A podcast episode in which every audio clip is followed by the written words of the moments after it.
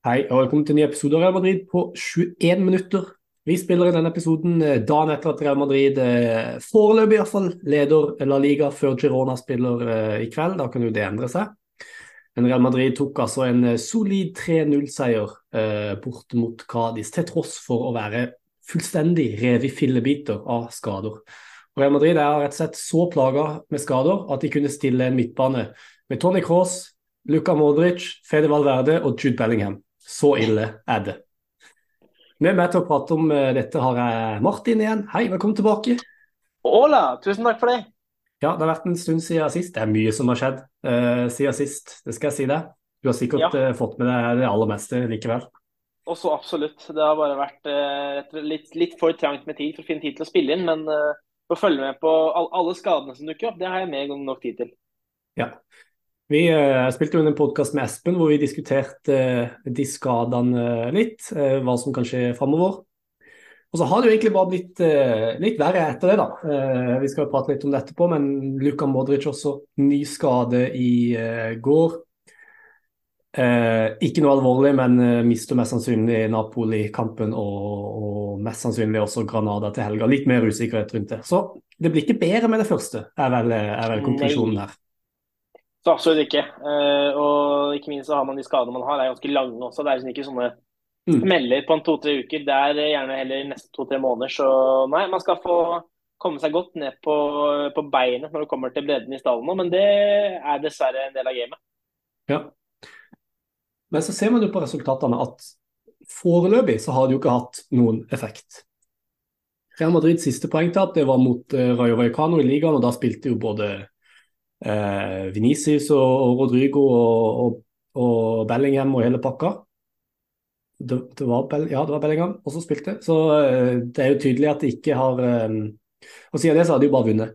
Eh, Så det er jo åpenbart at eh, for Real Madrid sin del så, så, så går det ganske bra fortsatt. og Det er jo kanskje det vi skal prate litt om, om i dag. fordi nå møtte de altså Cádiz eh, borte, et lag som er kjent for å gjøre det veldig vanskelig å skåre mål.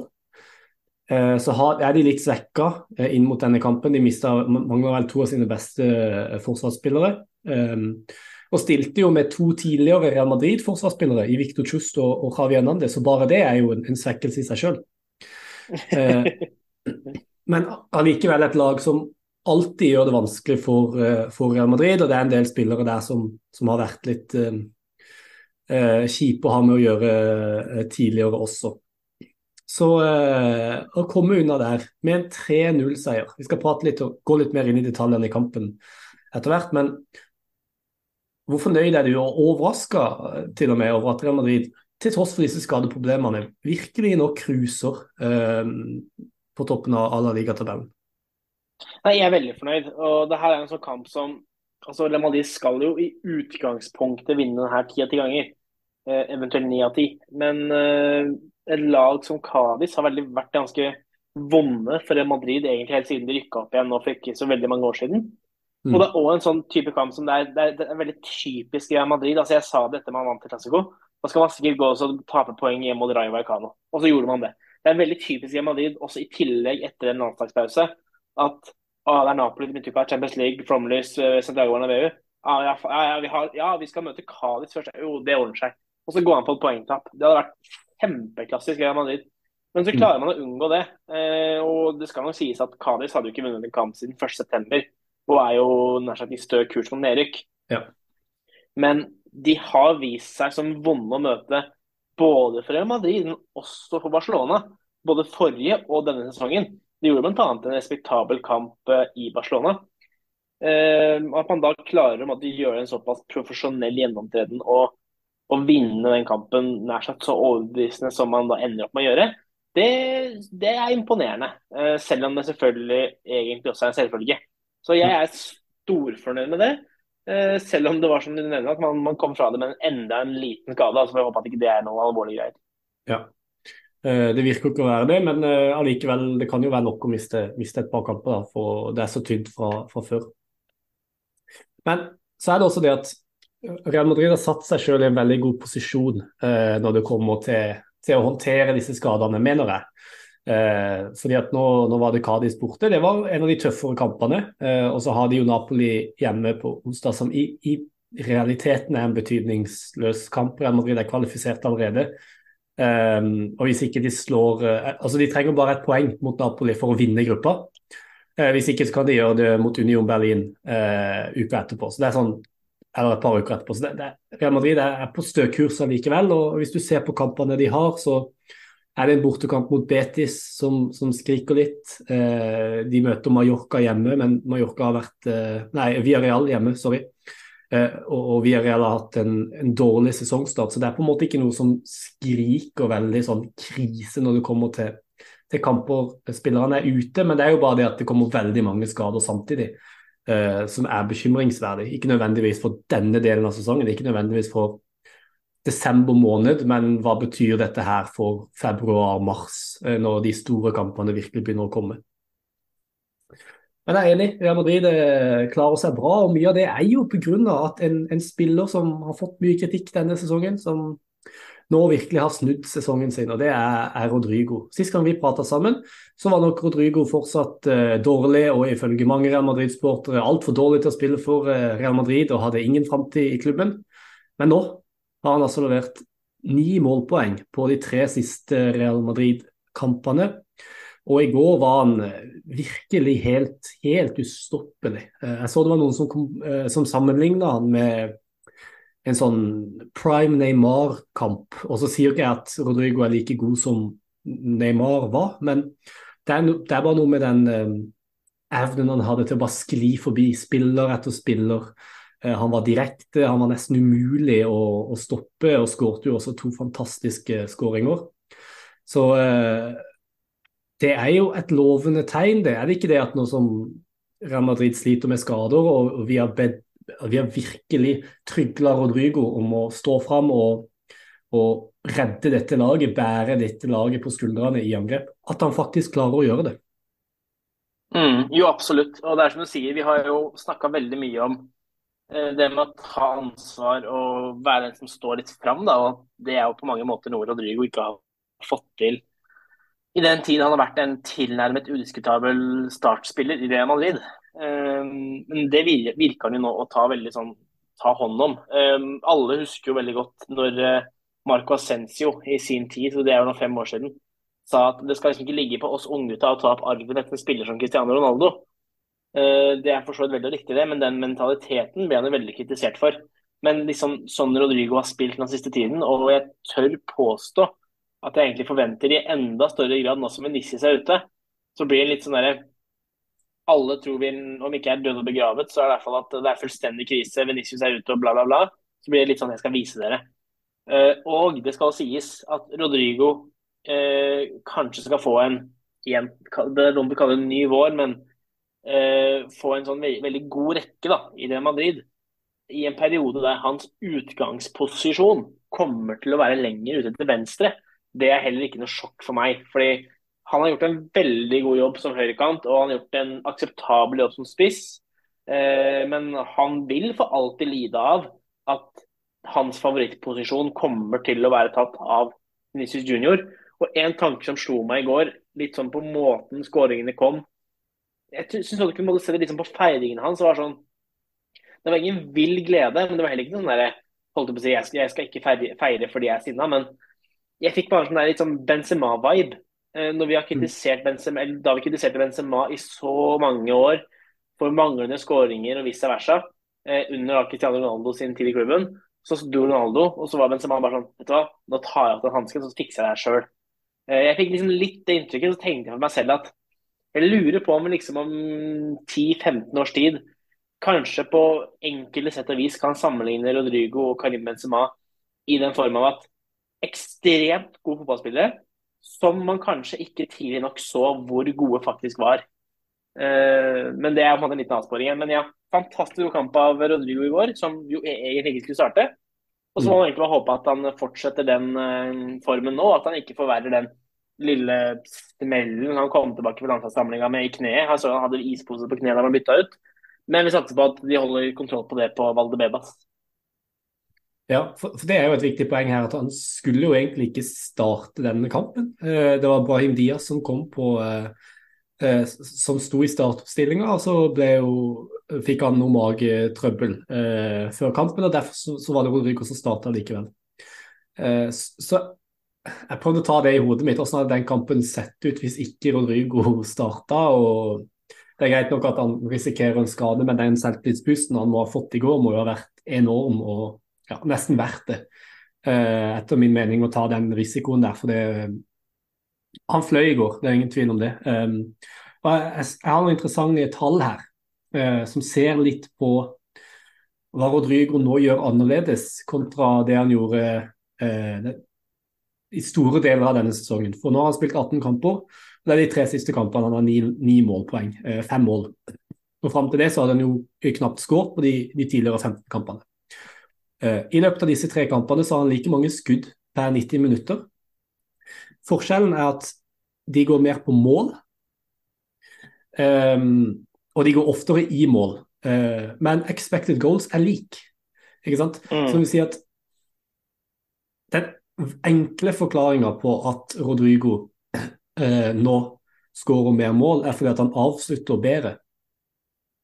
Men den litt mer kompliserte forklaringa er jo det at tallene har alltid vært der. Ikke sant? Og hvis du tar og samler alle disse tallene, så sier matematikken at til slutt så burde han begynne å skåre mer enn det han har gjort. Ut ifra de sjansene som han har. Og Det er jo nettopp det som har skjedd. Og det er jo det vi har prata om tidligere også, at han produserer så mye sjanser, han kommer til så mange sjanser, at til slutt så kommer dette til å løsne rent sånn matematisk sett. Og det mm. har de jo nå eh, gjort. Så det er på en måte en enkel forklaring. Han har forbedra seg, han er mer selvsikker foran mål, men det er også bare eh, the law of averages, ikke sant? Eh, som gjør også at det nå til slutt løsner for han. Og Det kunne ikke komme på et viktigere tidspunkt, altså. Uh, Real Madrid er helt avhengig av at det nå han klarer å opprettholde det her. Men ikke bare skårer Rodrigo to, to, fantastiske mål. Jude Bellingham skårte igjen. Og snakk om stats. Jeg tror du vet hvilken stat jeg skal fram til nå.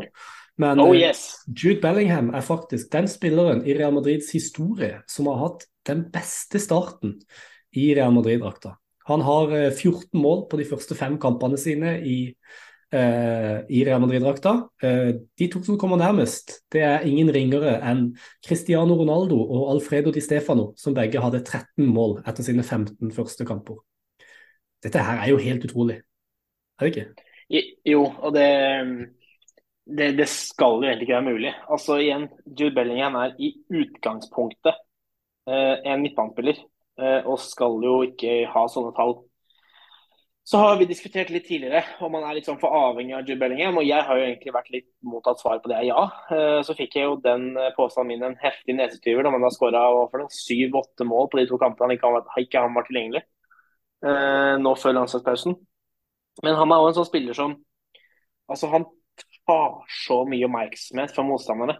Og jeg tenkte litt over i går at for i går så var jo ikke han en sånn typisk tier på samme måte som han har vært før, da vil jeg si. Altså, den posisjonen hans har blitt litt sånn justert til å helle litt mer ut mot venstre.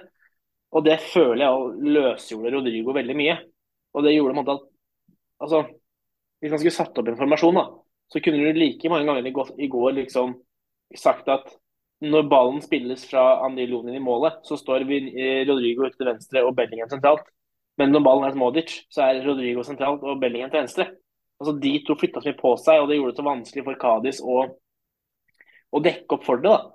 Uh, og så har han jo helt uavsindige uh, avslutningsegenskaper med begge bein. altså Den avslutninga går er en kjempeavslutning. Men uh, godeste Chavi sa jo også det her etter Classico, at Bellingham er i, er i Estado de Gracia. Altså, han er i flytsonen. Det meste fungerer. Så kan man selvfølgelig nå begynne å argumentere med at jo, jo, men du får ikke vært i flyt i fire måneder. Og det er snart så lenge han har vært i den formen vi ser nå. Eh, men nei. Eh, det er bare å eh, si, ta av seg hatten og bøye seg i mektig støvet. For det, det han driver på fotballbanen, det er helt sinnssykt. Mm. Og Veldig interessant det du sier, at han, han har på en måte trukket mer og mer over eh, på venstresida av banen i løpet av sesongen. I starten så spilte han nesten som en sentral spiss. Eh, men nå spiller han nesten som en venstre midtbane, altså, eh, som trekker litt innover i, i, banen når det passer. og Det passer han veldig godt, det passer Rodrygo veldig godt, for han får litt mer rom i, i midten. Og de kombinasjonene du, du, har sett mellom Bellingham og Venicius og, og Bellingham og Rodrygo siden han har fått denne litt nye rollen, Eh, altså Det har virkelig forbedra de relasjonene. da. Eh, skaper mer rom, eh, disse farlige bevegelsene rundt eh, spillere som har ball. Og Det virker som at han virkelig har funnet seg til rette i en mer sånn venstre eh, offensiv midtbanerolle enn det han har hatt tidligere, som jo er veldig mm. interessant. Og Du kunne også se det på måten Real Madrid eh, spilte i går, at de hadde lagt opp til at han skulle være litt lenger til venstre. For vi har jo vært litt usikre på hvordan skal Real Madrid løse dette her nå, som, som de har mista sine to defensive midtbanespillere. Real Madrid har to defensive midtbanespillere i troppen. Det er uh, Chouameni og Kamavinga, og begge de to er nå ute med skade. Og Måten Charlotti løser det på, er jo å legge om til å ha to dype midtbanespillere, med Valverde og eh, Kroos. Og så ha Bellingham og Modric eh, foran de. Hvis du har spilt Fifa, så kan dere kanskje kjenne igjen formasjonen 4-2-2-2. Mm. Eh, det var litt sånn Real Madrid eh, spilte i går. Eh, med to eh, Det er jo en 4-4-2, men de var langt eh, smalere eh, enn klassiske vinger, da, som man er vant til å se i en 4-4-2. Det fungerte veldig bra. Valverde er så god til å dekke rom, og ikke minst Real Madrid fikk bredde fra Dani Carvahall på høyresida. Så Carvahall fungerte jo nesten som en høyre kant uh, i går, mens Valverde dekka opp uh, hele den høyresida. Og alt dette er jo mulig fordi at uh, ikke bare Valverde, men også Jude Bellingham er så um, fleksibel og kan spille mange forskjellige posisjoner og spille i mange forskjellige roller. Uh, og Det får dette her til å funke. Og så er jo selvfølgelig også nøkkelen til alt dette her, bare siden jeg nevnte han, det er jo Federico Valverde som bare kan gå inn og, hvor som helst og, og, gjøre en jobb. og Han er ikke noe ren defensiv midtbanespiller, men han er så god til å dekke rom at han kan jo dekke en halv bane på egen hånd. Uh, så altså Hadde ikke Valverde hatt de ferdighetene som han har, den løpskapasiteten som han har, så hadde dette her sett veldig mørkt ut for Real Madrid. Men det å ha en så allsidig spiller som han, det er helt, helt uh, uvurderlig. Så nå gikk jeg litt bort fra, fra Bellingham her, men uh, hva syns du om, om, Valverde og den sånn rare rollen han spilte i, i, kampen i går? Jeg er helt enig, og, og jeg så faktisk en analyse på det her um, Det var vel rett før landslagsreisen, tror jeg. Så liksom trakk fram at uh, det var vel Kian Subani i Managing Madrid som mente at Valverde egentlig nå i høst var bedre enn det han var i fjor. Og det kan jeg på mange måter skjønne og forstå. fordi han, ja, han har ikke bøtta inn med mål som i fjor, men det har det på en måte ikke vært behov for heller. Men han tilfører en balanse til det Real Madrid-laget som er så sårt tiltrengt. Uh, og gjør også i går en ny kjempegod kamp. Og så mm. må det ikke undervurderes at den fyren kommer til Madrid med to, eller kommer til kampen i går med to treningsdager i beina. Og hva er det for noe? 14, fly, 14 timer i fly i reise fra Uruguay og var sikkert um, holdt på å si døgnvill ut av en annen verden etter alle tidssoner. Og mm. fortsatt leverer som han gjør og spiller samtlige minutter.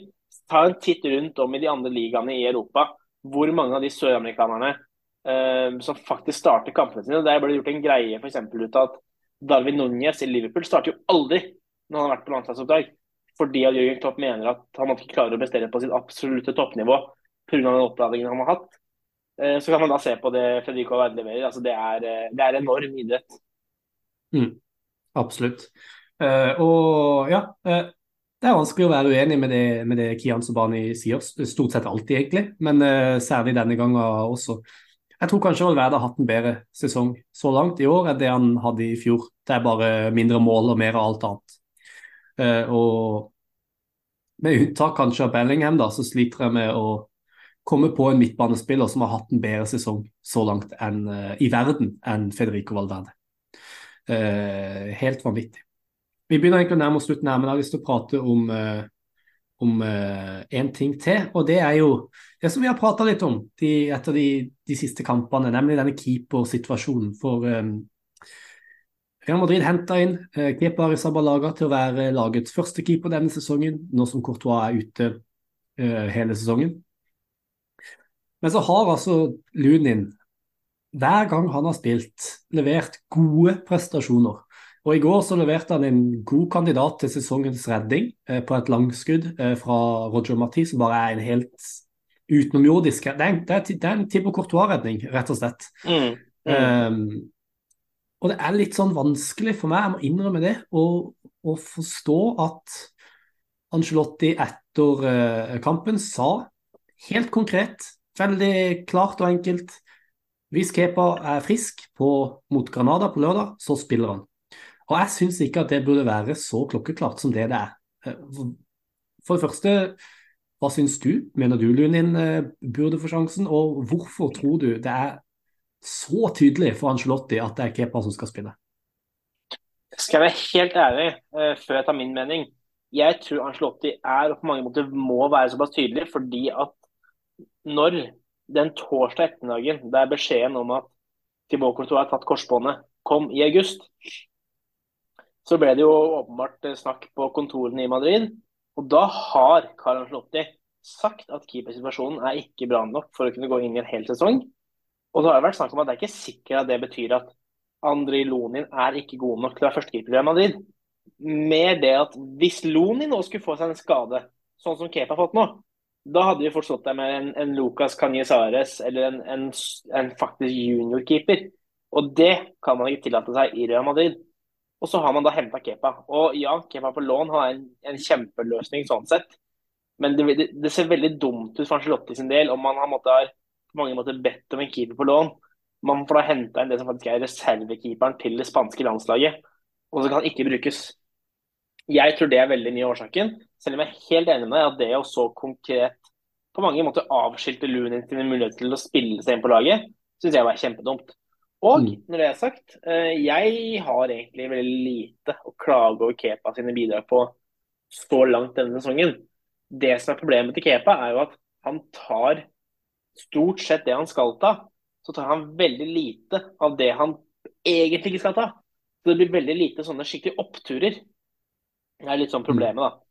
Ja. Eh, jeg syns Lonin har tatt steg og er bedre enn Kepa i feltarbeidet. Han er jo større enn Kepa. Eh, men så er nok også Kepa enda hvassere på streken. Eh, det jeg syns taler veldig til fordel for Lunin, er jo at nå de siste kampene så har han faktisk fått smake på kontinuitet. Som er så viktig for en keeper. Mm. Veldig mange av de avgjørelsene på skal jeg gå ut på den, skal jeg holde meg på den streken. Det var en situasjon i går hvor eh, en ball ble spilt igjennom, og så sto Luner helt på streken og tok den i hendene iskald. Den hadde ikke han gått ut på i første serierunde mot Atletic Klubb, det er jeg helt sikker på. Mm. Uh, så jeg syns at uh, Kepa nok totalt sett er et bedre førstevalg. Men det er 52-48 i min bok. Uh, og jeg syns heller man skulle hatt en litt renere konkurranse. Og latt eventuelt Lunin spille seg ut av laget, ikke bare konkret sette han ut når Kepa er tilbake. Ja, og det er litt sånn jeg føler det, det burde være når du har to keepere som ikke nødvendigvis er og den ene er veldig overlegen den andre. altså Hvis det er mellom Courtois og Lunin, så er det ikke noe, noe, tvil. Men det er jo en situasjon man har sett i en del klubber um, tidligere. Da Real Madrid hadde Keylor Navas og Courtois, så var det konkurranse der. Og de gjorde hverandre bedre. Eh, det, det, altså det, er ikke sånn at Kepa ikke er vant til å ha konkurranse om keeperplassen. Altså han har jo konkurrert med Mendy i, i Chelsea i flere sesonger nå, særlig i fjor. da, Så var det jo ganske tett konkurranse mellom dem. Så en del av meg er sånn, jeg, syns det er veldig rart at han bare avskriver fullstendig at uh, Lunin skal starte, og at uh, det er Kepa. Men uh, vi får se. Det kan, som du sier, det kan være noe sånn politisk innad i klubben som er årsaken til det. I så fall syns jeg det er, veldig synd. Jeg syns ikke det er det som skal påvirke hvem som skal starte. Jeg syns det er rett og slett hvem som er best. Um, men jeg er jo enig med deg at Kepa gjør jo heller ikke, han har ikke gjort noe feil til å spille seg ut av laget. Det er bare tilfeldigvis så har han blitt skada. Så har Real fått inn en annen keeper som også er god. Så jeg tror kanskje vi overdriver litt når vi sier at sånn Lunin har vært veldig mye bedre enn Kepa, for det, det syns jeg ikke han har vært. Ja, det går jo på forventningene. Klart, ja. Kepa altså Ja, man kan snakke om at han har tabba seg ut i Premier League, men eh, det er fortsatt en keeper, det er fortsatt verdens dyreste keeper vi snakker om her. Eh, mens Lunin har vært litt sånn ubeskrevet bra i Real Madrid i all tid. Altså, mm. Lunin har vært i klubben i fem år, altså. Det er ganske ja, ja. sykt å tenke på.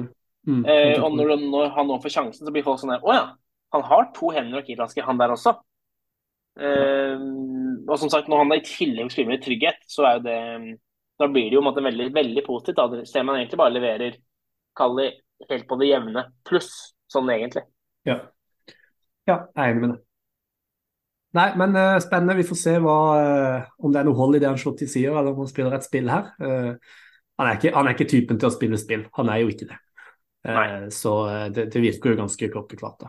Men ja, Real Madrid leder ligaen akkurat nå, med, med muligheter for at det kan endre seg på i kveld. Med, med, tanke på at Girona møter Atletic Club, men ingen enkel kamp for, for de. En annen positiv ting er jo at Real Madrid nå økte luka til Barcelona til, til fire poeng. De spilte uavgjort mot uh, Rayo. Og eh, jeg må innrømme det, altså. Et Barcelona-lag som, som, virkelig skraper seg. Eh, skraper til seg poeng i kamp etter kamp og, og, sliter veldig. Så ja, kanskje litt svakere enn det vi hadde sett for oss eh, før sesongen her. Eh, og en annen ting. Vi er egentlig over tida her, men jeg må bare si det hvis man er litt sånn pessimistisk med tanke på denne sesongen, så vil jeg bare si det at Real Madrid eh, leder La Liga nå eh, per halv seks i dag. um, og har slått Girona eh, og Barcelona på bortebane. Tapt mot Atletico Madrid, men har allerede da eh, spilt bortekampen mot Atletico Madrid. Så vil si at de i løpet av eh, den siste halvdelen av sesongen har hjemmekamper mot Girona, Atletico Madrid og Barcelona. Eh, det syns jeg er ganske viktig å nevne. Eh, det har absolutt betydning, og har jo da et, godt overtak på Barcelona og Girona innbyrdes. Eh, så det er jo litt positivt å tenke på. Ja, absolutt. Og så må man tenke på si, litt mer sånne, hvis man kan kalle det obskure bortekamper, som man tradisjonelt sett har slitt, med, slitt mye med. San Mames Ramón Sánchez Pijuan, der man har besøkt eh, Atletic Club og Sevilla. Altså, Man har jo unnagjort kamper som det der og ja. kommet fra de med fire poeng. Mm. det er mm. veldig mange sesonger der man har kommet fra de, de to kampene der med f.eks. ett poeng, ja. Eh, eller til og med null. Så man har gjort, gjort unna ganske mange seige, vonde bortekamper. Overraskende tidlig i sesongen. Mm. Absolutt.